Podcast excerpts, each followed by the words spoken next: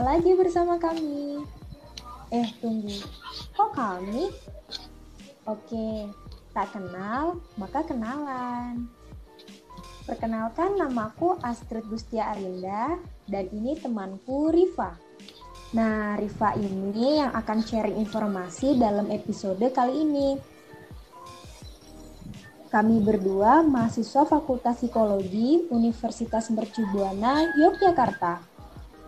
Sebelum kita masuk ke pembahasan, sapa dulu nih teman-temannya Mas Nanda dari Karang Taruna Tunas Jaya. Hai Mas, Mbak, gimana nih kabarnya? Semoga selalu sehat dan bahagia ya. Oke, kita mulai masuk ke pembahasan ya. Akhir-akhir ini kita sedang mengalami adanya COVID-19, yaitu salah satu penyakit yang disebabkan oleh virus SARS yang bermula dari Wuhan, Cina. Nah, kira-kira Riva ada punya informasi apa nih tentang perkembangan COVID? Oke, mungkin peta persebarannya aja ya. Uh, di Indonesia per 10 Juli 2020 terdapat 72.347 kasus terkonfirmasi, yaitu 35.349 dalam perawatan, 33.529 orang dinyatakan sembuh, dan 3.469 orang dinyatakan meninggal. Nah, sedangkan untuk teman-teman di Jogja, yaitu terdapat 67 kasus orang yang positif COVID-19 yang dirawat, serta 9 orang yang positif meninggal, dan 288 orang yang positif namun sudah dinyatakan sembuh. Itu aja, Trit, informasi yang aku dapat. Oke, makasih deh, Riva. Uh, kira-kira sama-sama. Kira-kira Riva tahu nggak sih kebijakan baru yang diterapkan sama pemerintah kita? Uh, itu ya new normal ya. ya. Oke, kita kenalan kali ya sama new normal atau biasa disebut AKB, adaptasi kebiasaan baru. Nah, AKB ini itu menjalankan aktivitas seperti biasanya di luar rumah di tengah wabah COVID-19 ini. Tentunya dengan beragam peraturan dan anjuran dari pemerintah untuk mengikuti protokol kesehatan agar tetap terhindar dan tercegah dari COVID-19. Soalnya COVID-19 sendiri dinyatakan sebagai pandemik dunia oleh WHO dan ditetapkan pemerintah sebagai bencana non-alam berupa wabah penyakit yang perlu dilakukan langkah-langkah penanggulangannya. Gitu, Trit. Oh, berarti kita diperbolehkan melakukan aktivitas seperti biasa, tapi sesuai dengan protokol kesehatan. Nah, iya, betul. Uh, kenapa sih, Rif, harus ada new normal? Gini-gini, jika new normal tidak segera dijalankan, maka bisa menghambat ekonomi negara. Pemerintah pun tidak akan sanggup menanggung beban penduduk. Secara penduduk kita kan banyak banget kan ya. Nah, oleh karena itu new normal ini menjadi sangat perlu dan penting. Yang dulunya mall, pasar, pariwisata, kan tutup tuh sementara. Sekarang diperbolehkan untuk membuka kembali asalkan tetap menggunakan protokol kesehatan yang sudah ditetapkan pemerintah. Begitu. Uh, jadi sebagai generasi muda nih, apakah kita harus mempersiapkan diri untuk new normal ini? Iya dong. Soalnya adaptasi kebiasaan baru itu penting. Untuk aku, kamu, dan kita sih tentunya siap nggak siap kan harus siap kan ya. Saat semua tak lagi sama nggak ada hal lain selain beradaptasi dengan kebiasaan baru pada saat ini. Nah soalnya pada masa ini itu kita hidup berdampingan dengan COVID-19 ibaratnya nih keadaan kita itu masih di lampu kuning jadi hati-hati. Kita nggak bisa sebebas dulu beryuforia nongkrong-nongkrong asik tuh biasanya kan anak-anak muda pada nongkrong. Kita nggak bisa sebebas dulu. Oh setuju nih. Kayak teman-teman dari Karang Taruna nih. Mereka juga merasakan perbedaannya loh. Yang dulunya kerja bakti gotong royong setiap minggu terus Sinoman.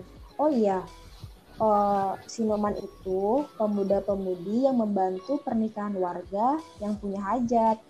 Terus kayak kumpul bareng, ada acara saat Agustusan, senam sehat, jalan sehat. Nah sekarang tuh nggak bisa lagi diadain karena adanya COVID ini. Uh, gimana sih Rif gaya hidup sehat ketika harus beradaptasi dengan kebiasaan baru? Oke oke, aku nggak sabar nih buat sharing cara ini. Oke kita mulai ya. Tak kenal maka tak siap. Kalau udah siap harus bahagia. Kok bahagia sih ya? Nah, kita bisa mencoba gaya hidup sehat dengan bahagia. Apa sih bahagia itu? Bahagia merupakan tujuh tips yang bisa dilakukan untuk adaptasi kebiasaan baru. Soalnya kebanyakan perilaku sehari-hari kita kan berpengaruh sama kesehatan kita.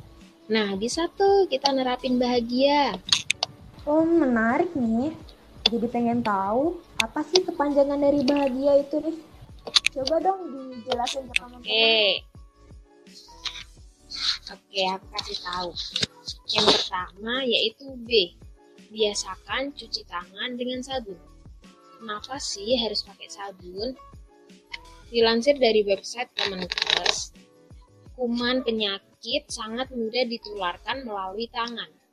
Pada saat kita makan nih, kuman dengan cepat masuk ke dalam tubuh, yang tentunya bisa menimbulkan penyakit. Tangan kita kadang kan terlihat bersih, namun tetap mengandung kuman. Untuk itu, penting cuci tangan menggunakan sabun. Kenapa harus sabun? Soalnya, sabun dapat membersihkan kotoran dan merontokkan kuman. Tanpa sabun, kotoran dan kuman masih tertinggal di tangan. Oh iya, waktu cuci tangan itu harus pakai air mengalir ya. Oh, jadi itu tuh singkatan dari B. Uh, selain sabun, iya. Selain sabun, kita juga bisa menggunakan hand sanitizer ya? Bener.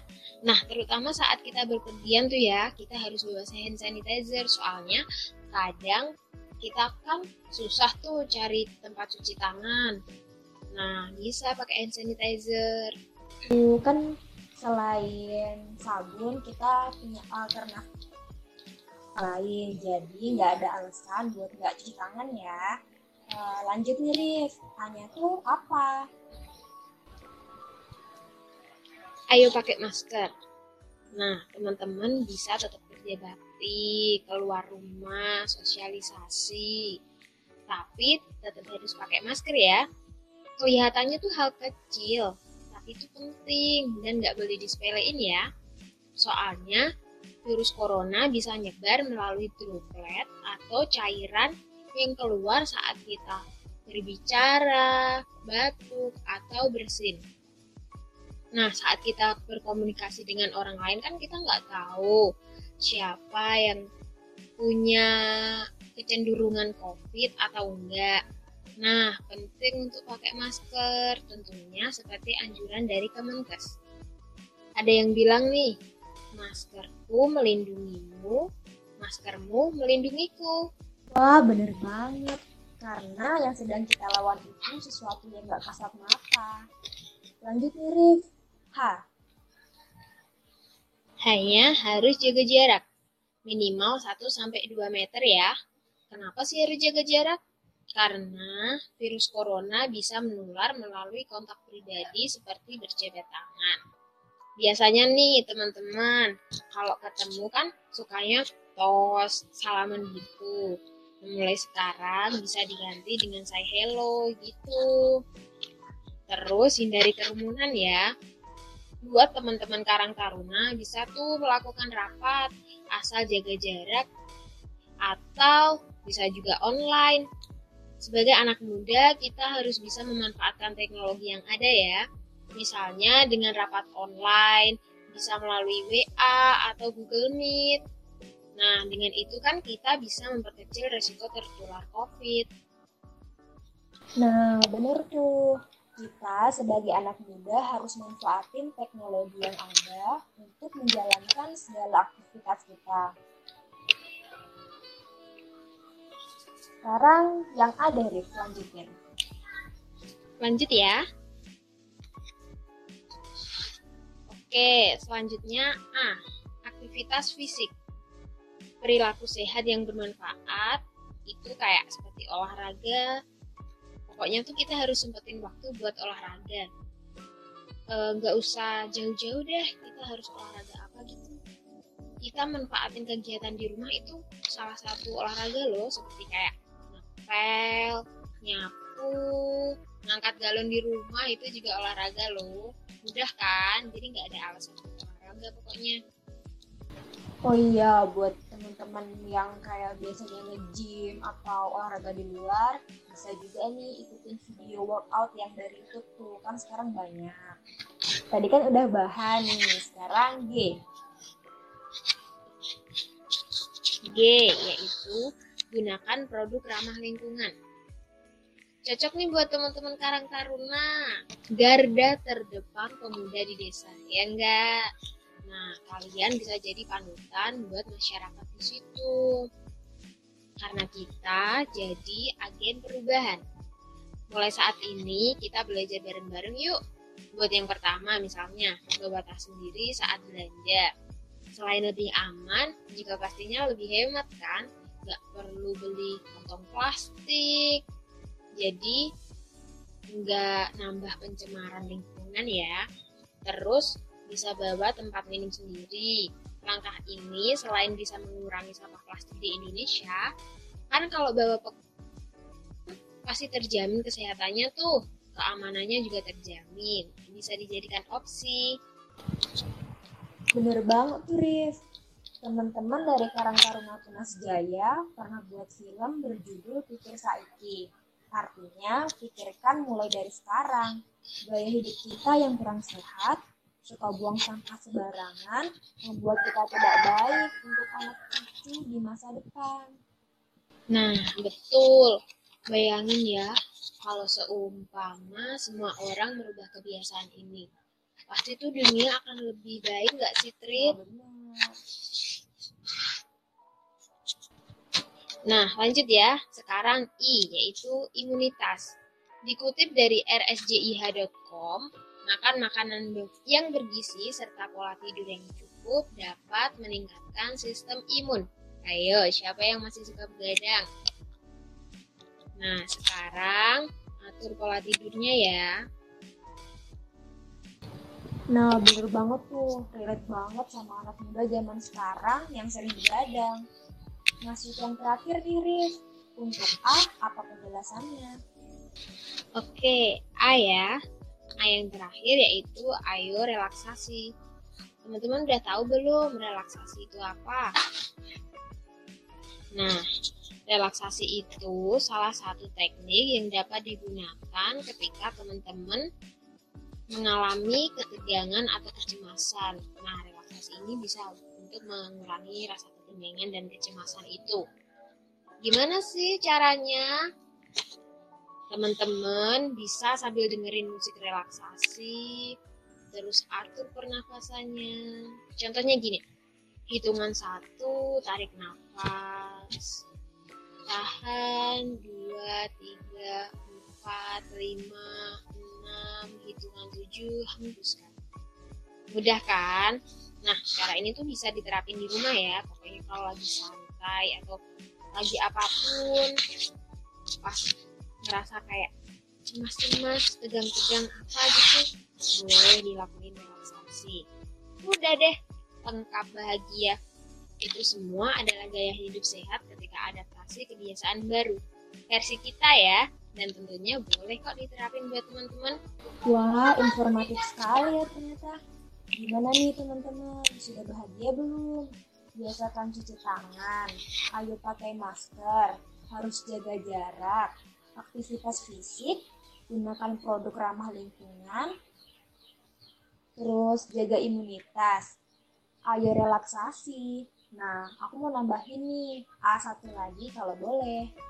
Uh, yang terakhir, boleh. Yang terakhir dari aku, ayo disiplinkan diri. Setelah semua tips yang tadi sudah diberikan, saatnya dilakukan dan dibiasakan. Ada pesan nggak nih Rif buat para pemuda yang dengerin podcast kita? Oke, aku mau ngomong gini aja ya. Saat ini tuh kita bukan saatnya buat nunjukin siapa yang paling hebat, siapa yang paling bisa bertahan di keadaan seperti ini. Tapi ayo bareng-bareng jadi pahlawan untuk diri sendiri, untuk orang lain. Mari saling jaga satu sama lain, peduli sama orang-orang di sekitar kita. Gitu. Oke, makasih Rifat untuk pesan-pesannya. Uh, terima kasih ya sudah berbagi sama Sama-sama. Oh iya, terima kasih juga buat teman-teman dari dari Karang Taruna Tunas Jaya. Sampai jumpa di lain kesempatan. Jangan ada stigma di antara kita. Yuk saling jaga, salam sehat dan bahagia. Dadah. Terima kasih.